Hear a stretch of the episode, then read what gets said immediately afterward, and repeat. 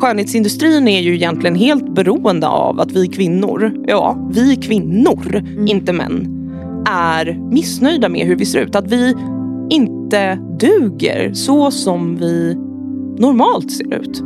Det som är fucked up med det också, det är ju att det de facto förflyttar makt från kvinnor till män. För att vilka är det i majoritet som äger de här bolagen i skönhetsindustrin? Ja, det som Amanda säger här är ju så enormt viktigt att komma ihåg. Hur makt upprätthålls genom att tjäna pengar på att kvinnor inte duger som de är. Sug på den. Samtidigt är ju det här så sjukt svårt att förhålla sig till.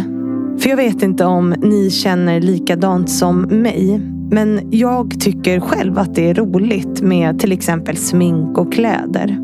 Lurar jag mig själv? Jag vet inte riktigt. Men det är något som vi pratar om i veckans avsnitt. Det är också ett avsnitt om vilken makt sociala medier och algoritmerna i dem har. Både när det kommer till de här frågorna men också politik och hur de överlag påverkar våra åsikter och syn på världen. Och innan vi drar igång avsnittet så vill jag precis som vanligt tacka min fantastiska sponsor Excitec. Men nu, kära lyssnare, precis som vanligt. Rätta till lurarna och dra upp volymen. För här kommer ett avsnitt med Amanda och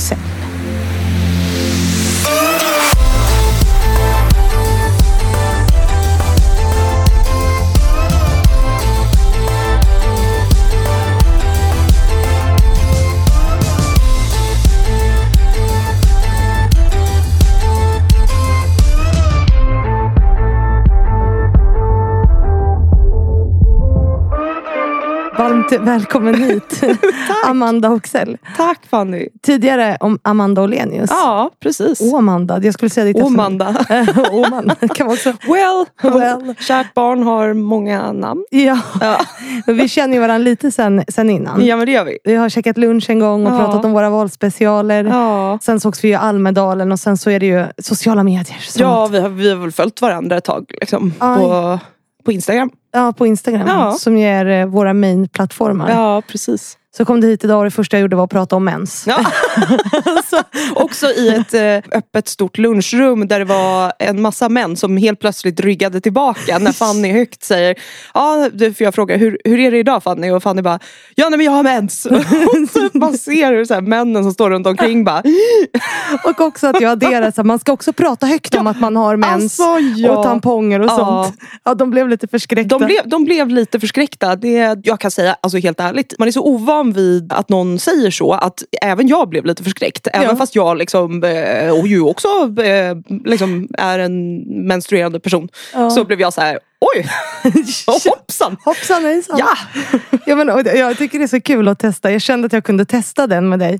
det, det, det, gjorde du rätt i. För att, jag, för att jag, är så här, jag har börjat med det att så här, vi ska inte skämmas för att vi har mens. Jag menar, halva befolkningen har ju det. Verkligen. Och ändå går man runt och så här, gömmer sin tampong och det är ja. lite så här skämmigt. Ja. Vi har ju såna här tampongdispensers på, på jobbet. Mm. Där man kan trycka på en knapp och så kommer, ramlar det ner en tampong. Liksom. Ja. Och det låter lite i dem. För de är liksom i stål så att när man gör det så liksom låter det. Och då är det, alltså det är flera toaletter liksom, eh, runt om den här tampongdispensern. Allt kretsar kring den. Ja. Nej, men och då, då, så känner, då känner man, jag känner lite liksom, när jag trycker på den här knappen att så här, ja, är det någon inne på toaletten nu eller är det folk utanför? Och så här, då hör ju de att, typ, eh, att jag eh, ska ta en tampong. Det där är ju också så stört att det ska vara en grej. Liksom. Det är supermärkligt. Ja. Varför skulle det vara pinsamt? Alltså, det är ju så grunden till allt liv. Hälften av befolkningen har mens. Mm. Liksom. Mm. Ungefär hälften i alla fall. Ja.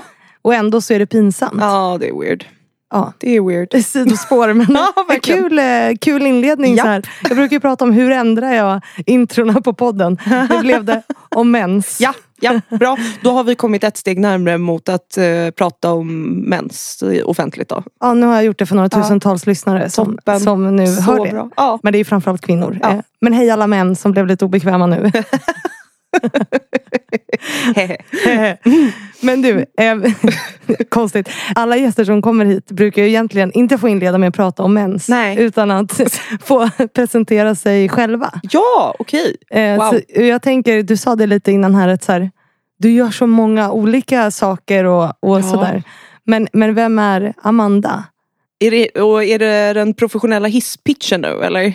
Jag tänker så här, du kan börja med den. Mm. Jag tycker det är så kul att vissa överlägger så här, vad ska jag börja med? Ja, men det, vem men är jag, måste, jag? jag måste göra det. För det är, hur jag presenterar mig det beror verkligen på vem jag pratar med. Men Mm. okej, vi säger i det här sammanhanget då. Så jag heter Amanda Oxell och jag jobbar på byrå, kommunikationsbyrå till vardags. Och utöver det så opinionsbildar jag i jämställdhets och inkluderingsfrågor. Och gör väl egentligen projekt som jag tycker är kul och viktiga på, Mm. på fritiden. Till exempel att spela in en podd med partiledarna precis som du har gjort. Och ja, men lite andra typer av prylar. Så. Mm. Opinionsbildar på Instagram. Du sprider väldigt mycket kunskap om jämställdhet på, på Ja. Instagram. Ja men precis. Eh, Alltså det, jag skriver ju jag har väl ett format som kanske inte är helt vanligt. Alltså, Instagram är ju egentligen ingen plattform för lång text. Så. Nej.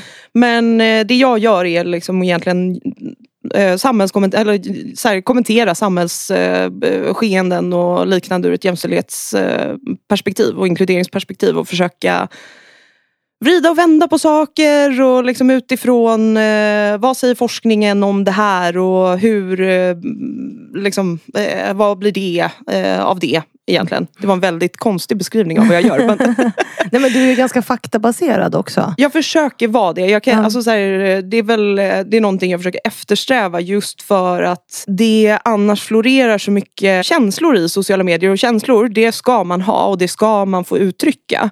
Men det måste finnas en balans där. Att man är förankrad i fakta som liksom underbyggs av forskning eller av rapporter eller liksom av eh, sådär. Så att, eh, så att det inte bara handlar om personligt tyckande hela tiden. Mm. Även om jag såklart allt som oftast halkar in i det också. Mhm. Det är ju liksom, ingen är ju felfri i det men mm, ja, det handlar väl om att problematisera saker utifrån ett liksom, faktabaserat perspektiv kanske. Om man ska försöka uttrycka det så. Ja. Ja. Och vem är, är, du, är du från Stockholm eller är du... Jag är, från, jag är från Stockholm. Sen har jag flyttat runt en del. Jag växte upp i eh, Saltsjöbaden som ligger utanför, utanför Stockholm. Vilket är en superprivilegierad eh, Stockholms eh. Liksom. Och eh, har väl egentligen under min uppväxt flyttat runt eh, med min mamma och mina två systrar. Och bott, eh, vi har bott i Norge en sväng. Eh, mamma jobbar som läkare. Och vi har bott eh, på olika gårdar runt om. Jag är gammal hästtjej och har tävlat i eh, dressyr på elitnivå. Och det är ju en merit jag lever på fortfarande eftersom jag uppenbarligen pratar om det nu. Jätteroligt. Ja, Jag är ja. också hästtjej. Är du? Utbildad hästfysioterapeut till och med. Nej. Jodå. Ja. Åh, wow. Nu Okej. skulle det inte handla om mig men jag bara Ah. det. Så. Du bara, och jag? Vi hästtjejer. Ja precis, ja, fast det är lite så faktiskt. Alltså, det finns ju forskning som visar Ja, att, att att hästtjejer hästtjejer blir ledare. Japp. Ja. Yes. Nej men så jag, jag har väl flyttat runt lite över, över Sverige och liksom bott på lite gårdar och gjort lite sådana saker. Mm. Jag har även gått på internatskola. Det gjorde jag i gymnasiet. Och efter det så en sväng i Skåne och sen flyttade hem till, hem till Stockholm igen. Mm. Och sen dess har jag varit här. Vad då för internatskola? Jag gick på Lundsberg. Ja, det var Eh, precis min fråga. Gick du ja. på Lundsberg? ja men det gjorde jag. Ja. Precis. Jag gick på Lunds, Lu- Lundsberg, Lundsberg och tog studenten 07. Mm. Så det var väl, eh, ja det var spännande att göra det. Ja, för det är ju, en, alltså, det är ju Ondskan-skolan. Nej det är, det är faktiskt inte Ondskan-skolan. Eh, Den är inte filmade men den ska den inte utspela sig på Lundsberg? Eller? Nej, den utspelar sig på Solbacka som Ja. är en, den internatskolan som Jan Guillou också gick på. Ja, okej. Och Solbacka ligger i Sörmland Mm. medans eh, Lundsberg ligger i Värmland. Och eh, det, så här, det kan ju tyckas vara petitesser och det är det också. Eh, liksom, för att det är ganska mycket same same. Mm. Mm. Ja, för jag vet inte varför jag, varför jag drar Lundsberg till... Många gör det. Ja. Många gör det men det kanske också är för att det har varit väldigt mycket liksom, tidigare innan Finansinspek- eller så här, i samband med att Finansinspektionen gjorde ett nedslag på, på skolan för några år sedan. Eh, så, så blev det ju väldigt mycket skriverier och jag tror att det kanske är därför man kopplar det direkt Mm. till liksom, ondskan som ju är en väldigt, väldigt hemsk skildring av hur det såg ut för Jan Guillou på, på Solbacka. Mm. Så som jag uppfattat det i alla fall. För det är, Lundsberg är lite så här elit, eller har jag fel? Det är dyrt att gå där och det är, Det är dyrt. ganska fint liksom. Ja, alltså det är en skola som har liksom, traditioner som sträcker sig långt bak i tiden. Det, det har varit en, ett jättestort privilegium för mig och få gå där för att någonstans så handlar det om att man får ett kontaktnät som man sen kan använda sig av senare i livet. Och det om något är ju ett privilegium att ha. Och framförallt som kvinna har det varit väldigt viktigt för mig att ha för att det har stärkt liksom, min position i många typer av förhandlingar och sådär. Att jag har ett starkt kontaktnät och det består såklart inte bara av liksom, egentligen. Det utgör, alltså, mina Lundsbergskontakter utgör en ganska liten del av det men det finns en gemenskap i det där som gör det lättare för en om det är någon annan som har gått på Lundsberg som liksom, sitter i någon styrelse eller eh, är vd på något bolag eller någonting som jag behöver ha någonting av eller jobba med eller ja. Så, Mm. så det, det har varit bra att ha på det sättet kan man säga. Ja, det är ett privilegium och det är, ju, det är ju intressant att du, eller bra att du säger det också tänker jag. Att du Mm. har reflekterat över det. Mm. Och det är ju inget man, vad ska man säga, ska straffas för. Att man är privilegierad, att man har det. Eh, Det är ju inte något fel att vara privilegierad. Men, men man kan ju också dela med sig av sina privilegium, tänker Jo, jag. precis. Det är ju något man föds in i på något Mm. sätt ofta. Ja, ja, och, pre- ja exakt. Eller kämpar sig till själv också. Mm. Alltså det finns ju olika, det är ju det där, det är ju en ballong, balansgång. Liksom. Mm. Vissa jobbar jättehårt för att uppnå sina eh, privilegier. Beroende på vad de har för utgångspunkt. Mm. Andra föds in i det. Och det jag tror är viktigt oavsett är förståelsen för vad privilegier gör för människor och för människors möjligheter att ha samma liksom, möjlighet att lyckas i samhället och, och ha samma liksom, möjlighet att eh, ekonomiska möjligheter, möjligheter att utbilda sig, möjligheter att liksom, egentligen verka i samhället på samma villkor. Och tar man ett ansvar i det, så här, man behöver ta ett ansvar i det. Man behöver ta ett ansvar i att så här, jag har Eh, den här typen av privilegier. Hur kan jag eh, verka för att andra ska ha samma typer av privilegier som jag har? Och det är klart att ingen kan lösa det ensam. Men liksom jag tycker att alla har ett ansvar i det. Och kanske framförallt de som har mest privilegier. Mm.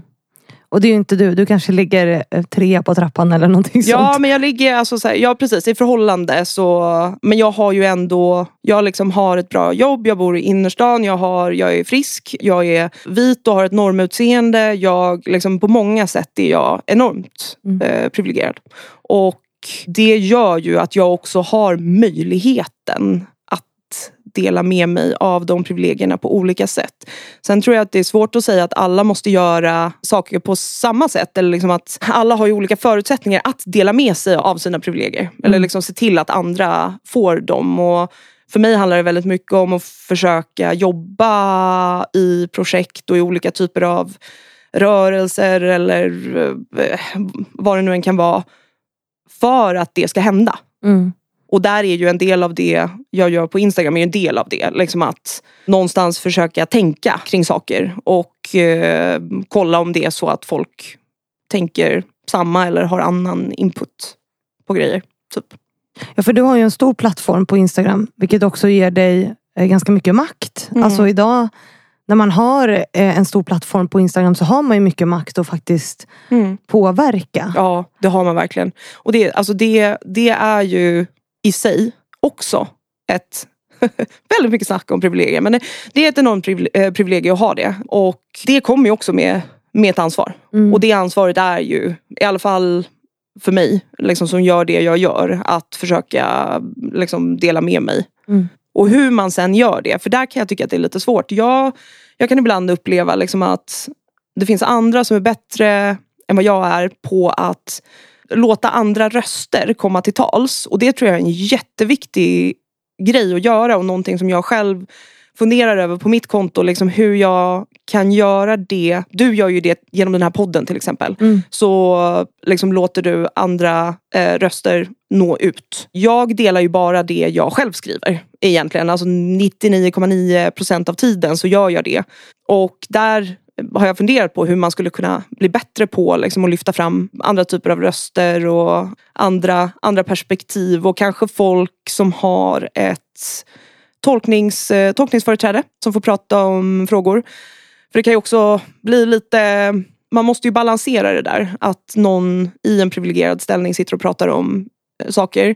Det kan ju inte bara bli så att jag sitter och, och liksom babblar på om vad jag tror och tycker och tänker om olika situationer där jag själv inte är en av de som utsätts för förtryck till exempel. Mm. Eller är den som utsätts liksom i störst grad. Så då är det ju viktigt att ta in andra perspektiv. Så att, eh, det är någonting jag klurar på. Liksom, hur, jag, hur jag skulle kunna lösa och att det någon, på något sätt bidrar till en tillväxt för min egen plattform. Liksom, mm. Att man når ut till ännu fler då. Mm. Mm. Att det där är ju superviktigt för det är ju så lätt att sitta i sin egen värld och, och liksom predika för, för sin egen kör. Och på något sätt Alltså jag tror ju supermycket på samtal och lyssna. Det vet ju de som, de som har följt mig här länge. Mm. För de flesta som lyssnar, eller många som lyssnar har ju följt med mig i flera år. Ja. Alltså vilken utveckling det kan ge. Ja. Att man bara lyssnar till andra. Det är verkligen så. Alltså gud, när jag, nu vill jag typ inte riktigt uppmuntra folk till det här. Men så här, de texterna jag skrev i början. Mm. Det är ju så här, jag kan ju gå tillbaka och läsa dem ibland och bara, ah. Jaha.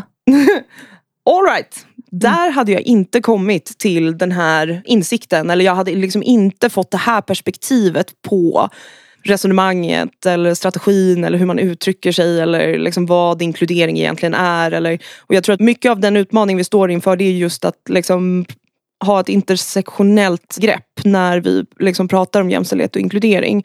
Och mm, ur en så white privilege eh, position som man ändå känner att man befinner sig i. Då blir det ju, man behöver ju utbilda sig. Liksom, och ta ansvar för att lära sig. Och så, och det tar ju lite tid. Och i det, då är det ju just de här samtalen och dialogen och diskussionerna med folk som du upplever här i podden och på Instagram såklart. Men som jag också får möjligheten att uppleva då på, på min plattform. För att det är ju inte så att folk alltid tyck, alltså, håller med om allt jag skriver. Utan folk har ju ofta olika ingångar och vinklingar och saker. Och det är ju mm. enormt utvecklande att då få läsa hur folk eh, liksom ja, men, vad de tycker och tänker även fast de kanske uttrycker sig hårt eller är arga eller upprörda. Eh, så är ju det, det är inte jättekul alltid. Men eh, det, man lär sig sjukt mycket. Liksom. Får du mycket hat och så? Eller är det... Nej, väldigt, eh, väldigt begränsat. Alltså, mm. det, det, det är väldigt sällan. Det är några få kommentarer här och där men det är liksom väldigt, eh, väldigt hanterbart. Mm. Det, är det. det är ändå skönt. Ja, det är jätteskönt. Hur är det för dig? Det är lugnt faktiskt. Ja. Det börjar bli värre. Jag började lite med TikTok och kände bara så nej oh, det här, wow. där är de vidriga. Ja. Alltså, det är verkligen hemskt. Ja. Jag la ner det för jag, alltså, det tar för mycket energi. Du, jag fattar det. Alltså, jag, hade inte, jag hade inte gett mig in på, på TikTok. Det finns ju, Maktbarometern har ju släppts precis. Mm. Maktbarometern släpptes igår och där eh, kan man ju se liksom att på hur egentligen de politiska strömningarna ser ut på olika typer av plattformar. Och då är det ju, om jag inte, nu vill jag inte felcitera det här, men typ Facebook, Youtube, TikTok är så höger, eh, mm. liksom, typ lite högernationalistisk touch på det medan eh, liksom vänsterblocket håller sig främst på, på Instagram. Mm. mm. Så det kan ju ha med det att göra också att man inte får lika mycket liksom, eh, hat och liksom, hugg på något sätt. Det tycker jag är hemskt för jag tänker att Youtube och TikTok framförallt är kanaler så där en yngre målgrupp hänger. Ja. Jo men och det, det, det är det ju verkligen och det är ju det är ett problem i sig. Eller det är ett, det är ett, eh, det är ett större problem som egentligen handlar om liksom hur alltså det digitala kommunikationslandskapet ser ut. Och här har jag börjat fundera kring liksom, hur kommer sig att vi, det digitala kommunikationslandskapet präglas av eller styrs av liksom, privata bolags alltså, vinstintressen. För det är till exempel så att de algoritmerna som styr vad vi ser i våra flöden de är ju starkt påverkade av de här bolagens vinstintressen. Alltså typ Metas, alltså Facebook, Instagram och, och, och TikTok och Youtube. Liksom. Algoritmerna fungerar ju för att hålla användarna kvar på plattformen så, så länge som det bara går för att man ska kunna visa så mycket annonser egentligen mm. som möjligt för användarna.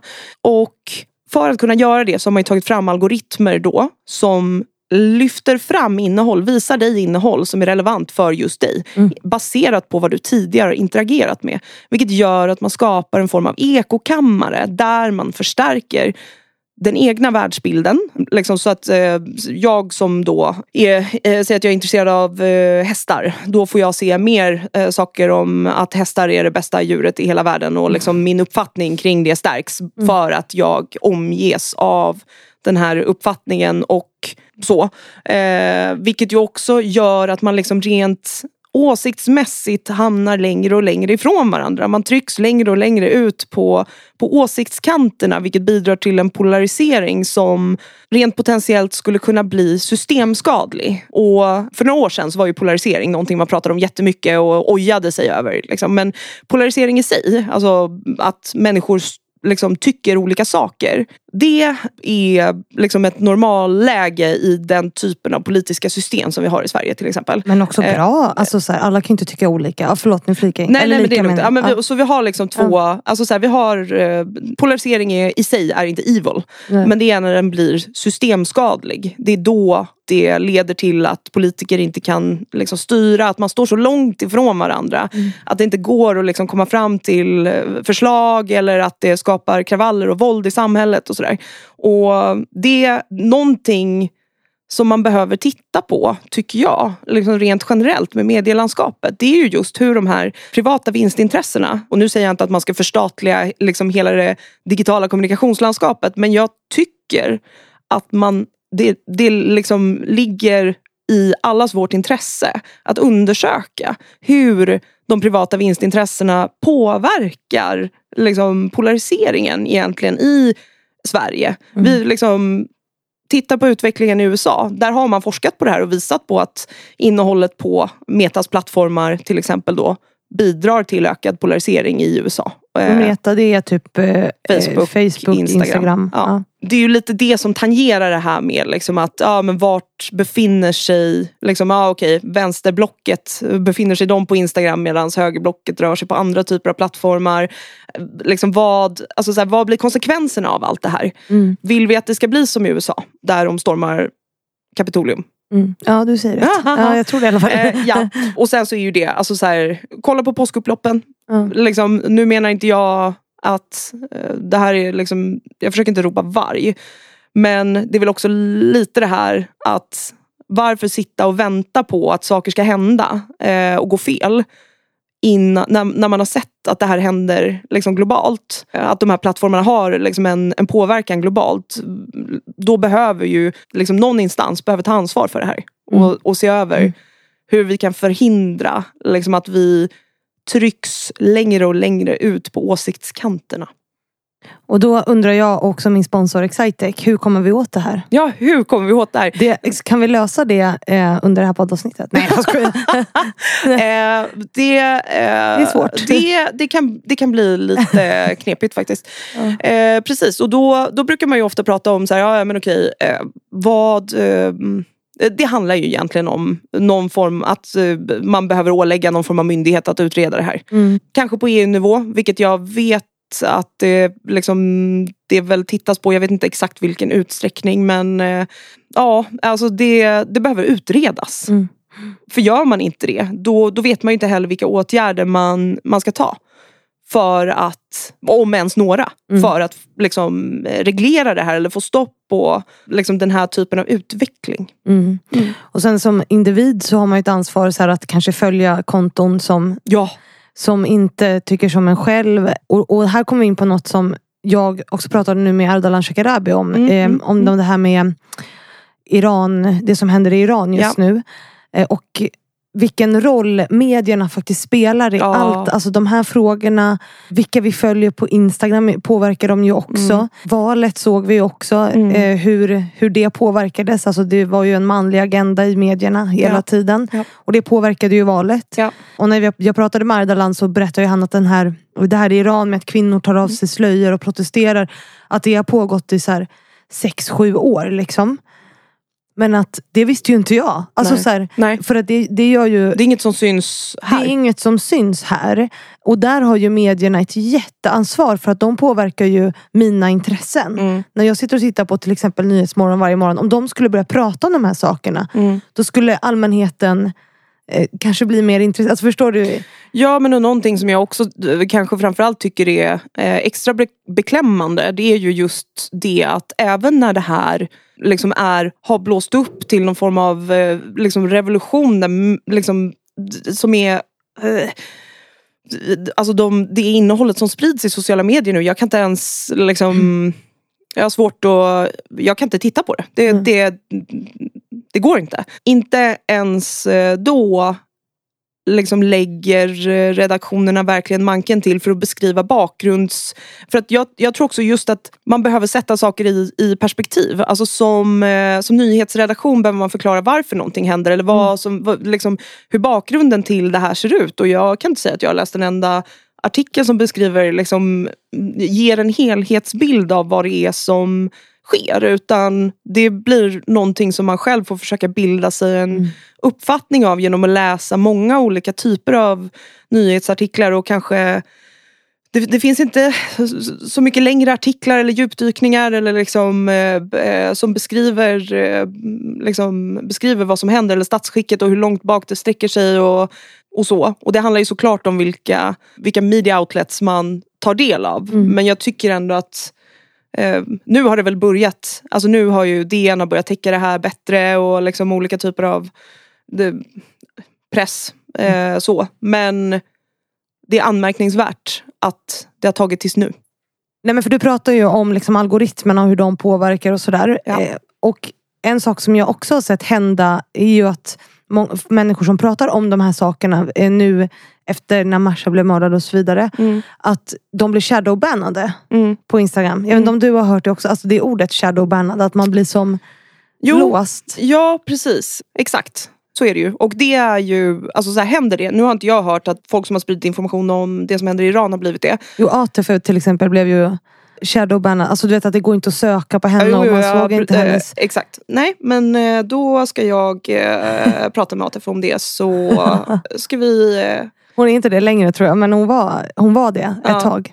Nej men och det, tyvärr så är det ju det är också det som är en del av problematiken med eh, just kommunikationslandskapet. Att det, det finns ett ganska liksom stort monopol där det är eh, ja, men tre bolag egentligen som äger, äger alla kommunikationsplattformar som vi rör oss på.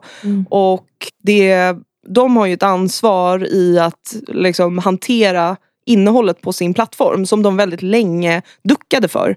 Det, det tog väldigt lång tid för liksom, Facebook och Instagram och, eh, eh, att börja utveckla fungerande policies och faktiskt anställa eh, personal som sitter och granskar innehåll och sådär. Men de, deras policies är så trubbiga att det ofta leder till en ren begränsning av folks möjligheter att berätta om missförhållanden och den typen av eh, saker. Alltså både du och jag vet ju att vi har flera liksom, eh, vad ska man säga, influencerkollegor som får, får innehåll borttaget. Mm. Jag har fått det. Det var typ, eh, alltså jag har fått det flera gånger. Det var ett inlägg som eh, jag hade skrivit som hette Inte alla män. Ja, just det. Eh, Ja, och eh, då för att komma runt det då, för det inlägget handlade egentligen om att så här, resonemanget inte alla män fungerar inte riktigt. Eh, för att alla män i viss mån bidrar till att upprätthålla en mansnorm som är skadlig för förtryckande för kvinnor. Och det var för mycket för, det var för, mycket för Instagram. Men, eh, så det togs bort några gånger och jag fick en massa varningar om att de skulle stänga ner mitt konto. Ja. Och det blir ju också en typ av obehaglig situation att hamna i när man har lagt, liksom, det är inte så att jag har fått liksom, alla mina följare över ett år utan alltså, jag har ju hållit på med det här hur länge som helst. Mm. Och att man då hotas med nedstängning för att man för ett jämst, alltså, jämställdhetsresonemang. Typ. Det, den, den blir ju lite skev. Men lösningen på det var ju att byta, ut, byta ut ordet. För det, de resonerade, jag, jag hörde av mig till mina kontakter på, på Meta. Eh, och, har du kontakter på Meta? Alltså de är ju omöjliga att få tag på. ja, nej men, nej, ja men det har jag. Men det är bara för att jag kommer från byråbranschen mm. från början. Liksom, mm. så att det, men eh, de är väl mina motvilliga kontakter. Ja, precis. de, jag tror inte alls att de känner sig så nöjda över att jag säger att de är mina kontakter. Jag tror de mer är såhär, åh nu mejlade hon igen. Ja, fy fasiken. Ja. Men eh, hur som helst så det inlägget blev borttaget eh, för att eh, det var typ stärkte stereotyper om en, alltså det var, det var nedvärderande mot en specifik eh, grupp. Mm. Man bara, jaha, så det är nedvärderande. Och då var det ju män som var den gruppen då. Mm. Så att jag, jag var alltså då i det här resonemanget så var jag nedvärderande mot, eh, mot män. Och, mot eller hatisk. Mm. Liksom. Ja men mot män som grupp. Mm. Och då blev ju lösningen helt enkelt att bara byta ut ordet män mot kycklingar. Så hela inlägget då, en inläggstext som ändå var ganska lång alltså, var, eh, handlade om eh, inte alla kycklingar. eh, och det ligger kvar. Så att, eh, och det inlägget eh, tycker jag att alla ska gå in och läsa för att det är, eh, det är ett viktigt inlägg. Ja, men det är ingen hets mot kycklingar utan Nej, nej såklart inte. De sig att, inte kränkta. Som, som, som grupp så ser inte vi kycklingar som något specifikt eh, problem. så. Nej. Och, det, och det är intressant att du, att du nämner det här. För, och jag vet att det här är någonting som du har Jag har läst någon artikel om det här nu när jag mm. researchat dig. Att Eh, för jag ibland annonserar ju på Instagram och ja. sådär. Eh, och använder ju ofta ordet jämställdhet. Ja. Eh, och när jag ska marknadsföra inlägg där det står jämställdhet. Om jag inte då har, för er som inte vet hur det här funkar så kan man ju på Instagram då eller på Facebook i det här annonsverktyget så här, identifiera vem man är. Och då måste jag ange att det gäller val eller politik för att det ska, för annars nekas mina inlägg om ordet jämställdhet finns med. Nej. Jo det är faktiskt sant. Det har hänt otroligt många gånger. Att det spärras då. Vilket, och jag har för mig, jag läste någon artikel där, om det här där du har uttalat, men det var länge sedan. Mm. Ja då, men det var nog kanske när eh, det var, jag tror att det var kvinnohistoriska som fick eh, någon annons nedtagen. De mm. gjorde mm. en utställning. Mm. De gjorde någon eh, fet utställning som handlade om någonting som mm. hade med jämställdhet att göra. Alltså mm. typ eh, någonting.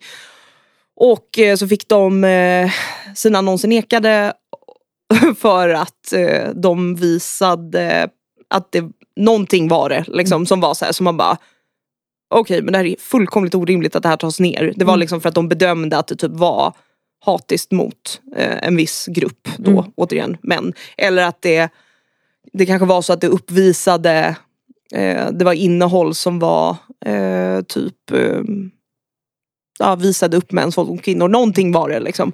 Men då, då hamnar vi också i en situation där det är så här, ja men okej, ska man inte få prata om mäns våld mot kvinnor eller inte alla män eller liksom sådär. Så länge man alltså håller en eh, resonerande och saklig ton eller så, då är det ju väldigt odemokratiskt att en global plattform egentligen dikterar vad man får och inte får prata om.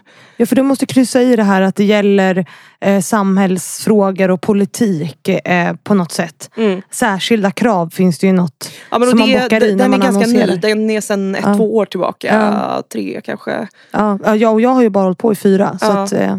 ja.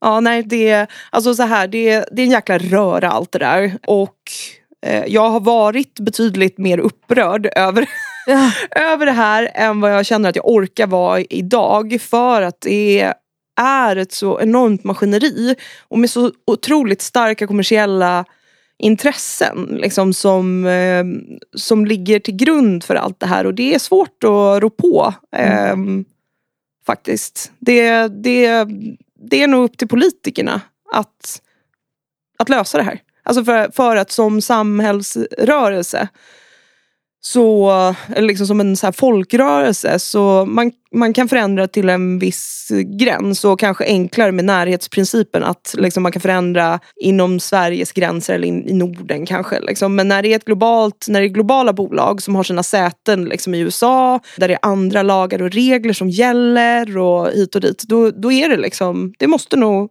det måste nog vara politikernas ansvar att undersöka och lagstifta på ett adekvat sätt så att eh, liksom deras plattformarnas eh, policies egentligen inte strider mot eh, yttrandefriheten och, och så. Mm.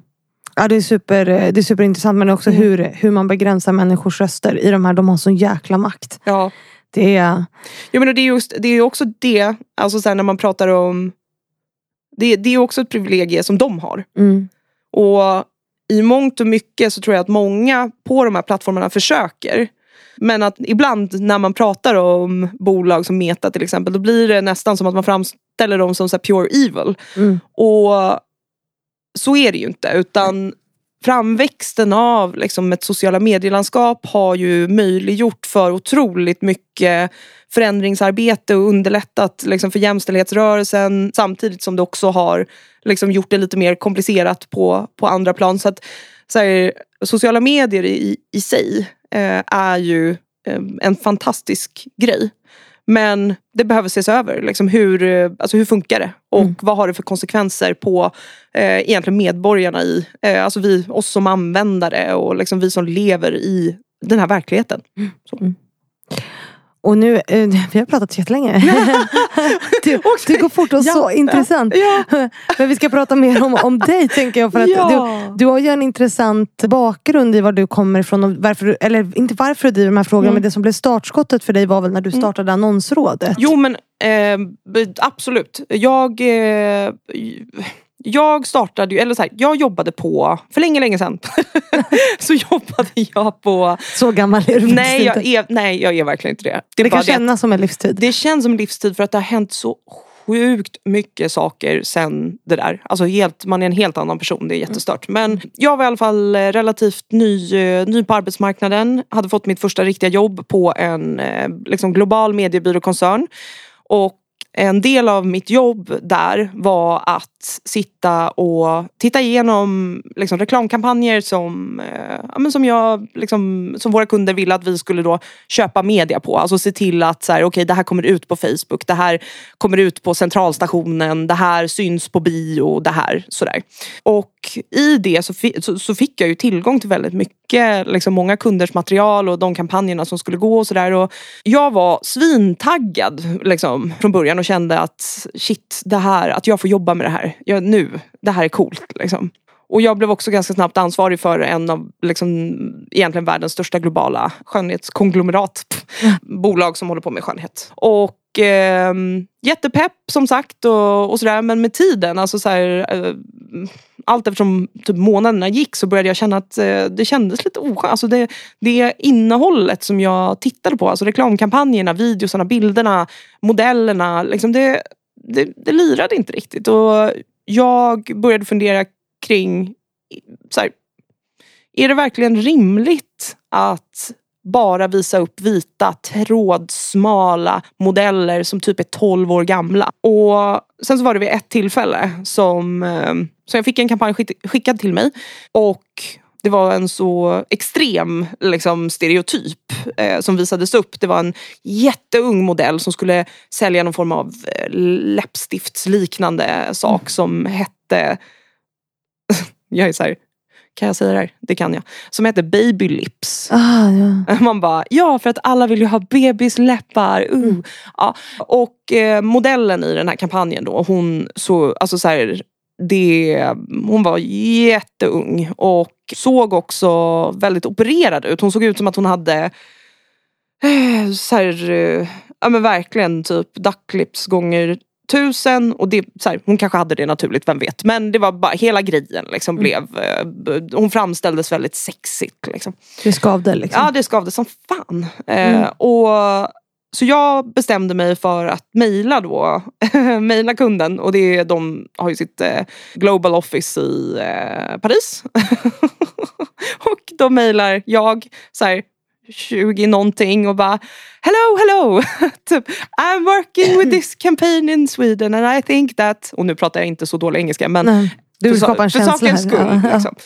Eh, nej, så jag, jag sa det att det, det, kanske finns en vinning i att liksom framställa eh, kvinnorna som använder de här produkterna på ett annat sätt än att liksom sexualisera dem och sådär. Och eh, jag fick, alltså svaret jag fick var så här, Mm. Alltså typ, det var verkligen typ, oh, you little uh, girl in Sweden. Mm. Vad tyckte du om min franska? Ja den var också jättebra. Ah, on point! Fantastiskt, wow. you little girl. Ah, ja.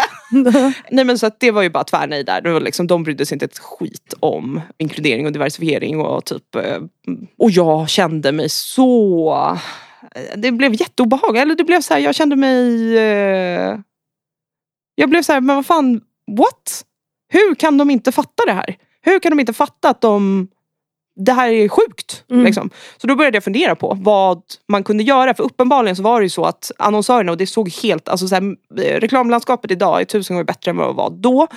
Många skulle liksom, de som kommer ihåg hur det var då, påminn er om hur sjukt det faktiskt var då. Mm. I förhållande till hur, inte toppen det är idag men hur, eh, hur det, liksom, skillnaden mm. ser ut. Så, här.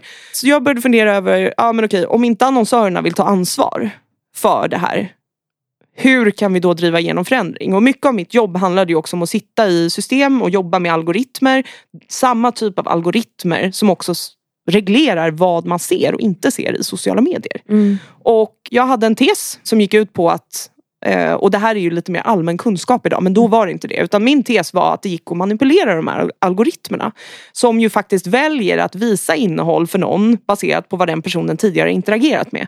Så interagerar man positivt med något, eh, liksom gillar eller kommenterar eller tittar på någonting. Då signalerar man ju för algoritmen att man är intresserad av det här. Mm. Oavsett om man tycker att det liksom är bra eller dåligt. så.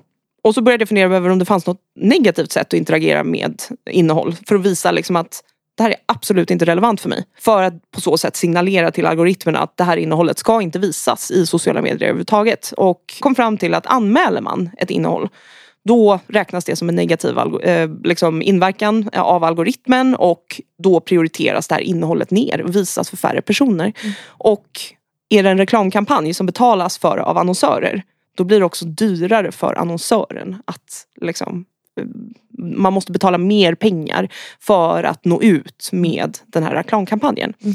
Det var en tes jag hade, jag testade den.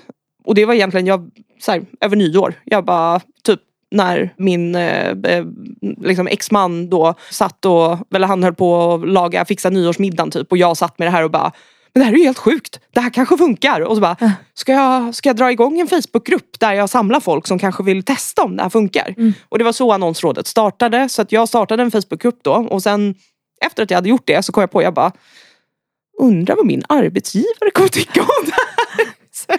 Du, jag, fick du sparken eller ja, vad hände? nej men exakt, jag fick sparken direkt. Nej jag nej. nej. nej. nej.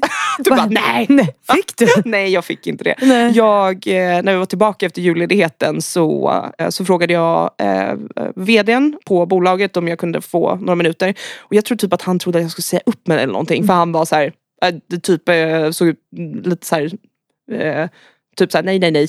Lite så. Mm. Och så sa jag, jag bara, ah du. Och så berättade jag liksom om hela det här upplägget. Och sen så när jag var färdig så sitter han liksom helt eh, tyst och så här, tittar på mig och jag bara och han är lite svår att läsa av ibland. Så jag bara shit nu, nu, det här är inte bra liksom. Nu kommer han bli arg och säga att jag måste stänga ner allt det här.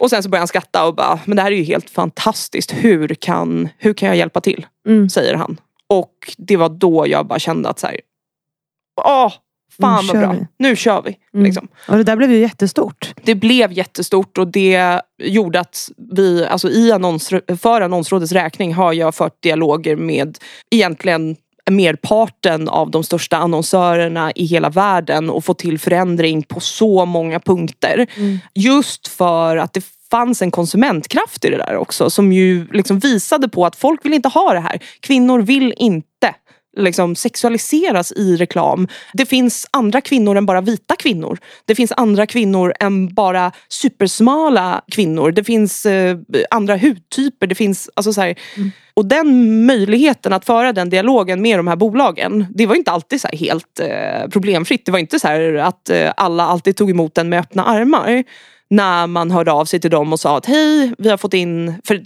annonsrådet funkade så att man fick skicka in anmälningar alltså, och så granskade jag dem. Mm. Och baserat på den bedömningen jag gjorde så tog jag det vidare antingen direkt till det här bolaget för att säga att hej bara så ni vet så har jag fått, vi har fått in den här eh, annonsen för granskningen eller den här kampanjen eller det här innehållet för granskning. Mm. Eller så gjorde jag så att jag la ut det för, eh, för att folk då skulle kunna få använda algoritmerna för att eh, liksom få ner spridningen på, mm. på det här mm. innehållet. Och det var ju helt sjukt. För det var, och det var också innan folk hade börjat fatta vad algoritmer var för någonting. Och det är inte, jag var inget jättegeni i det. Liksom, för att det handlar ju bara om att jag råkade jobba med mm. ett system där algoritmer var en befintlig del av liksom, köpmetoden. Men nu har ju Eh, nu fungerar det inte på samma sätt längre för att ja, många inte, inte kanske på grund av annonsrådet just men, men eh, jag, liksom i, i det här med hur innehåll påverkar användaren så förstod väl till exempel Meta då att det kan inte det kan inte vara helt, helt oreglerat hur innehåll sprids och inte sprids. Alltså om, om vi gör en aktion mot ett innehåll till exempel som vi vill sprida eller ta ner då är det en medveten handling. Och hur, alltså så, här, så att de har förändrat hur algoritmerna fungerar lite. De har liksom gjort så att de analyserar användarbeteendet mm. i förhållande till algoritmerna. Och det bidrar i sin tur till att när man gör Liksom, man kan inte säga till 10 000 pers att ja, men gå in och anmäl det här inlägget längre. För det får inte samma effekt. Mm. På samma sätt som man inte heller kan säga till 10 000 pers gå in och dela det här. För det får inte heller samma effekt som om det är någonting som kommer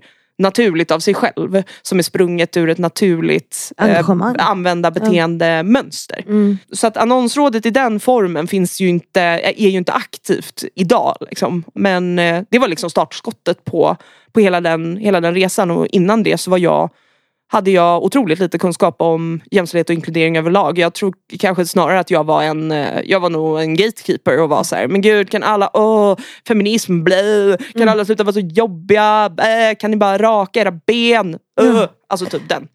ja för, för du har ju liksom gjort något val där, så här, sluta färga håret och liksom börjat... Ja, förstår du? Precis. men vet du vad, ska vi faktiskt ta och prata om det? För just det här med just det här med att färga håret, för det är ju också någonting som, liksom, som jag pratar väldigt mycket om. Så här, eh, maktfördelningen mellan kvinnor och män, mm. hur den ser ut i samhället och, och varför det är så. Liksom, hur de här liksom, könsnormerna egentligen spär på att man, makten fördelas åt männens mm. håll eh, från kvinnorna. Liksom. Och Skönhetsindustrin är ju ett utmärkt exempel på det. Mm. Kvinnor, den rådande skönhetsnormen gör gällande att kvinnor ska lägga enormt mycket tid och pengar och energi på hur de ser ut.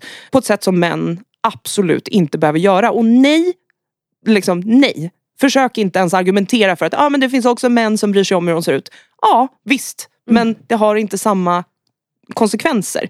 Det har inte samma ekonomiska konsekvenser, det har inte samma tidsmässiga konsekvenser och framförallt inte normativa konsekvenser som det har för kvinnor. För att kvinnor alltid då måste lägga mer pengar, de måste lägga mer tid men samtidigt ska de hinna med så jävla mycket annat. Liksom. Men det här med eh, att jag slutade färga håret, det var ju en del av det. För att jag räknade på hur mycket pengar jag genom åren har lagt på att färga håret blont. Och jag började ju som 13-åring, 12-13-åring någonstans. Så att då, jag räknade på det och kom fram till då för något år, två, ett och ett halvt, två år sedan att jag under, alltså fram till dess antagligen har lagt mer men åtminstone har lagt över 200 000 kronor under min livstid på att färga håret. Mm. Och det är ju fullkomligt orimligt. Alltså så här, det, det, den samlade summan är ju någonting som, hade jag, varit, hade jag gjort medvetna val kring det där då hade det kanske inte sett ut så. Då hade de 200 000 kanske hamnat på andra grejer. Vad mm. vet jag inte. Men eh, kanske sparande eller typ att uppleva saker med några. Eller, eller resa ja. eller ja, typ ja. sådana saker. Så att, eh, jag, jag bestämde mig för att skriva om det här. Så jag skrev om det och slutade färga håret. Mm. Och nu, ni, ni, som lyssnar, ni ser ju inte mig nu. Eh, men det gör ju du Fanny. Mm. Och jag är ju blond igen. Jag har ju alltså börjat färga håret igen. Och det här är någonting som, nu vet inte jag när avsnittet kommer att, eh, kommer att sändas. Eh, senast igår la Fi eh, Lindfors upp en eh, typ en eh, inspo-story där hon bara Åh, inspirerades av Amanda Oxell att sluta färga håret för att eh, typ lägga pengarna på godis istället. Typ. Mm. Och eh, jag ju funderat på om jag ska skriva om det här. Eller jag, nej, så här. Jag har tänkt att jag ska skriva om det här. Mm. Just för att så här, jag, eh, det, det funkade för mig i typ ett lite mer än ett år så la jag alla de liksom, pengarna som jag vanligtvis lägger på att gå till frisören eh, i en sparpott. Och jag tänkte att det bara var att göra. Och det är ju det här vi, det är nu vi kommer in på något som är så jäkla svårt att nå. Det är svårt att prata om. Liksom, för att vissa hävdar att det här bara är att göra. Mm. Så här, sluta färga håret då, sluta sminka dig om det är några alltså så här, åh. Men när jag hade Alltså när jag lät mitt, eh, min naturliga hårfärg växa ut, som jag inte har haft sen jag var barn i princip. Eh, så hade jag, jag hade lite svårt att identifiera mig själv med mig själv. Mm. Jag har sett ut, merparten av mitt liv har jag sett ut eh, på ett visst sätt för att normen säger att man ska, liksom, det är också en vithetsnorm, så här, eh, blonderar i. Mm. Så. Och det blev så jobbigt för mig. Att jag liksom gick varje dag och det blev som ett hyperfokus. Att jag gick varje dag och bara, ah, för satan. Så här.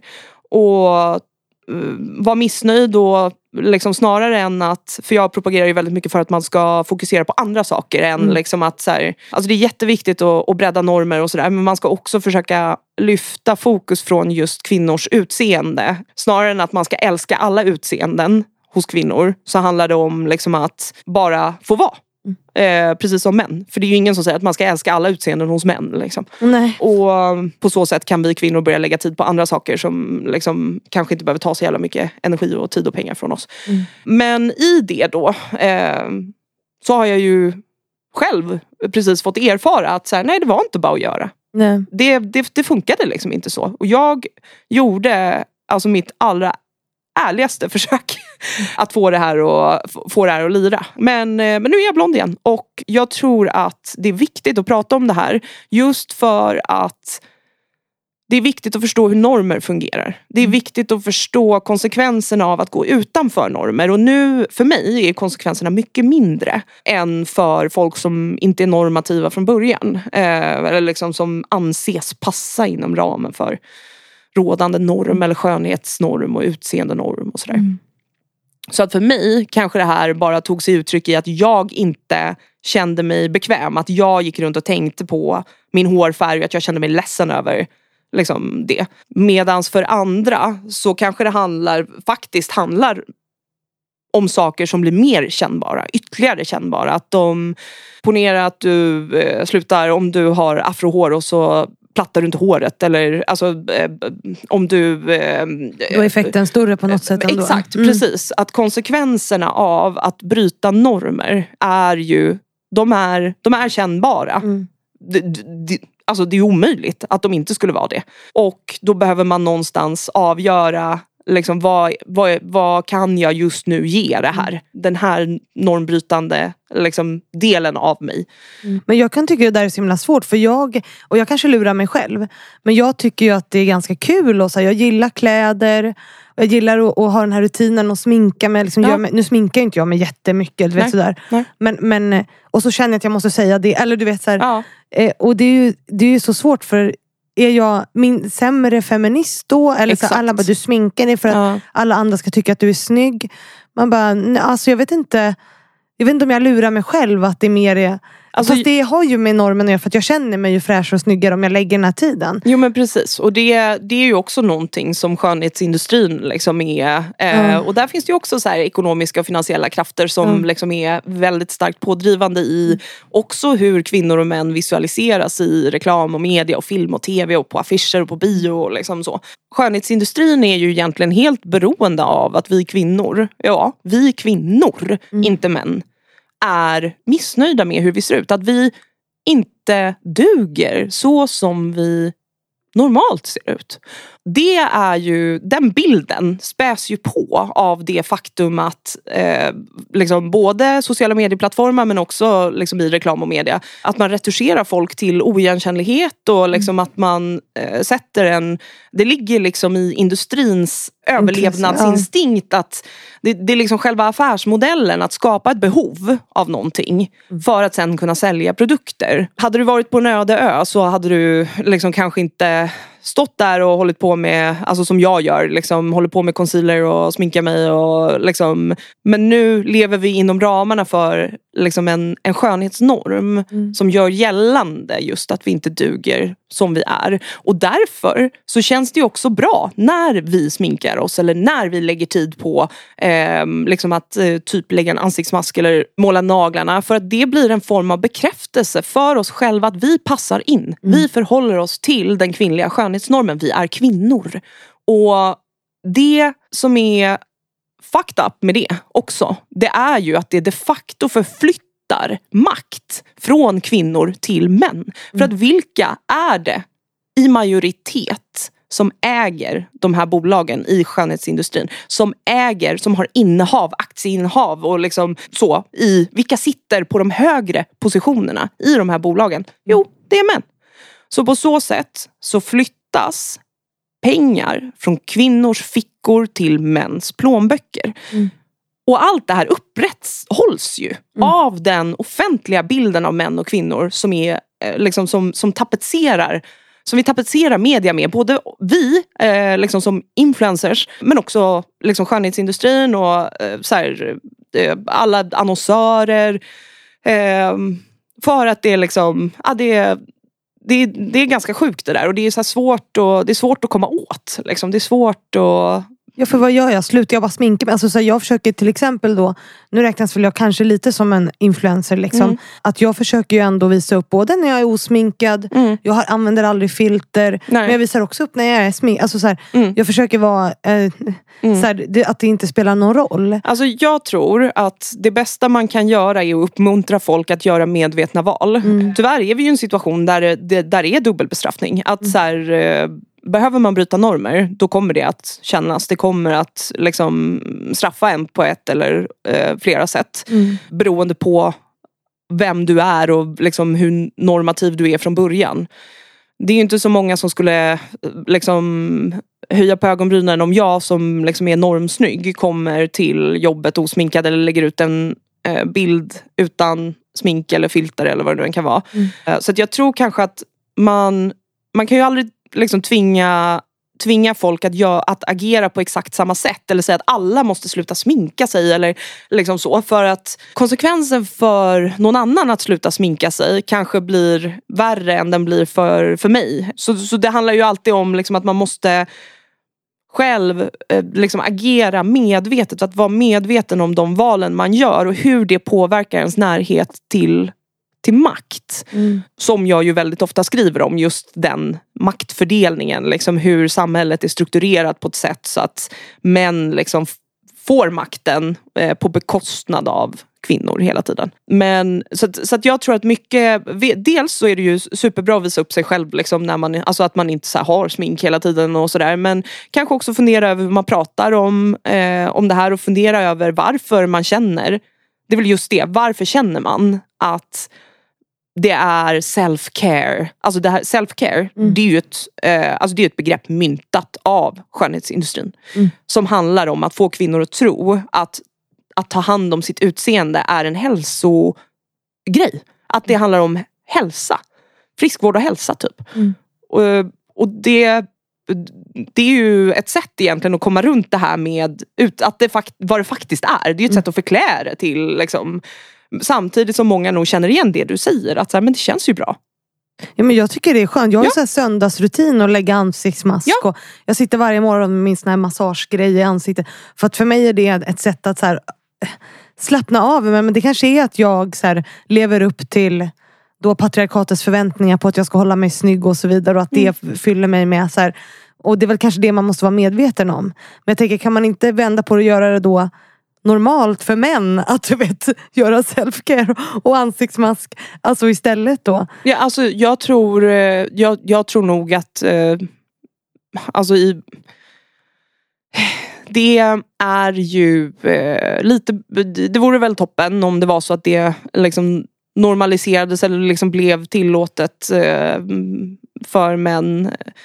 Men jag vet inte jag vet inte om jag skulle vilja säga att rätt väg framåt är att lägga samma typ av skönhetspress på mm. män som kvinnor har. Utan kanske snarare att ta bort den typen av eh, liksom, orealistiska förväntningar som finns på kvinnors utseende från kvinnor.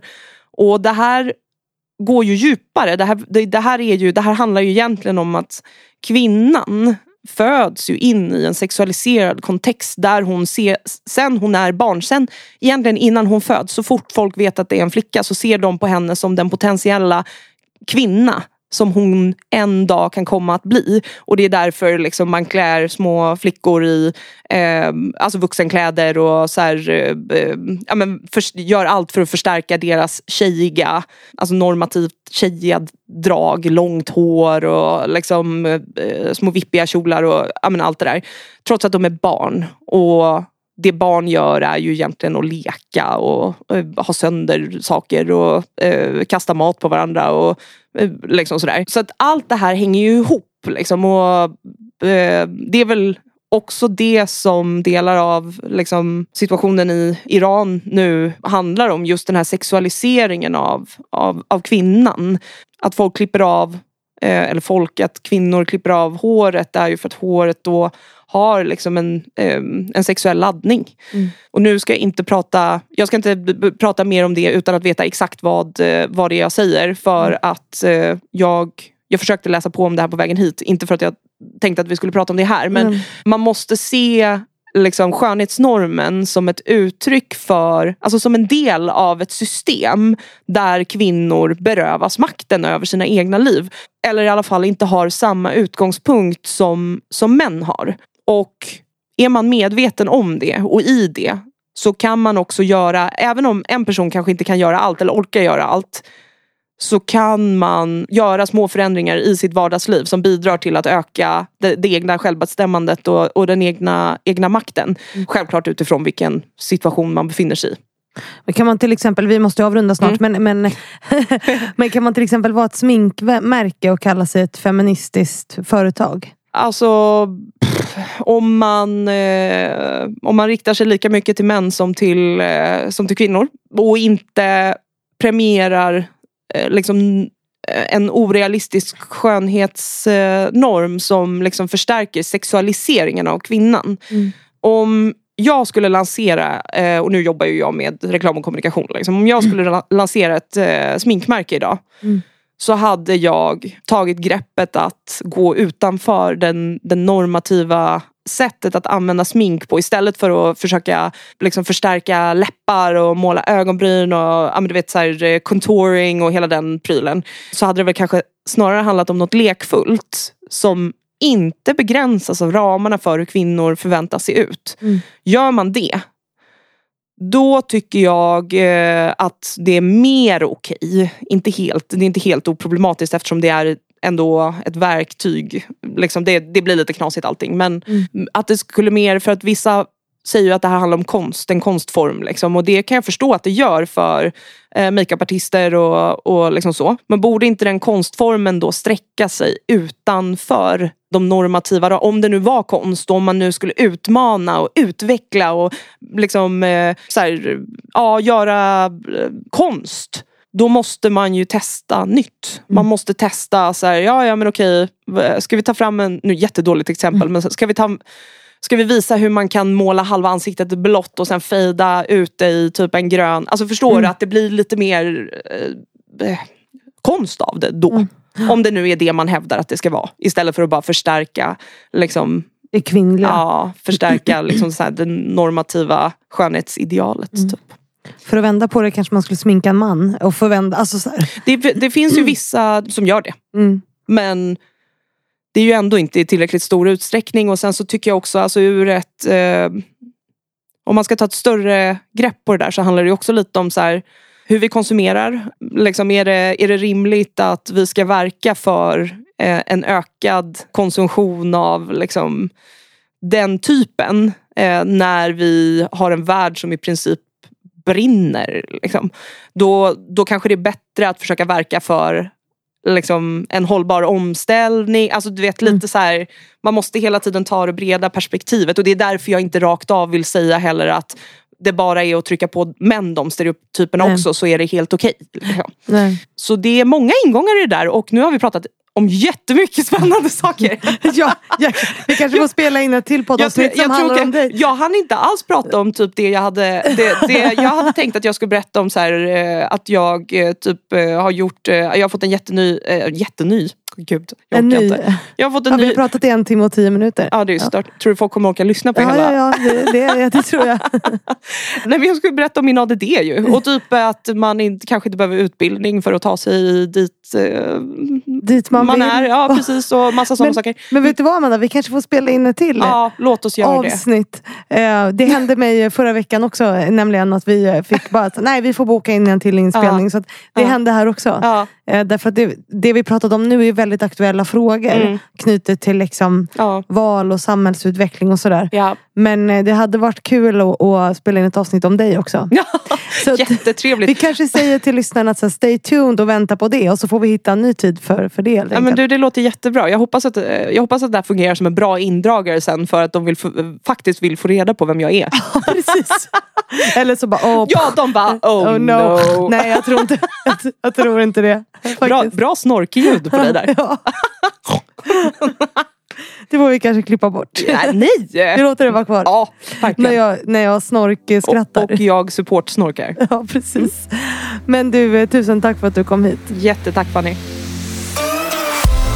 Och tusen tack till alla er som lyssnat på veckans avsnitt. Jag önskar er en fantastisk vecka. Och sen så hörs vi ju på onsdag igen.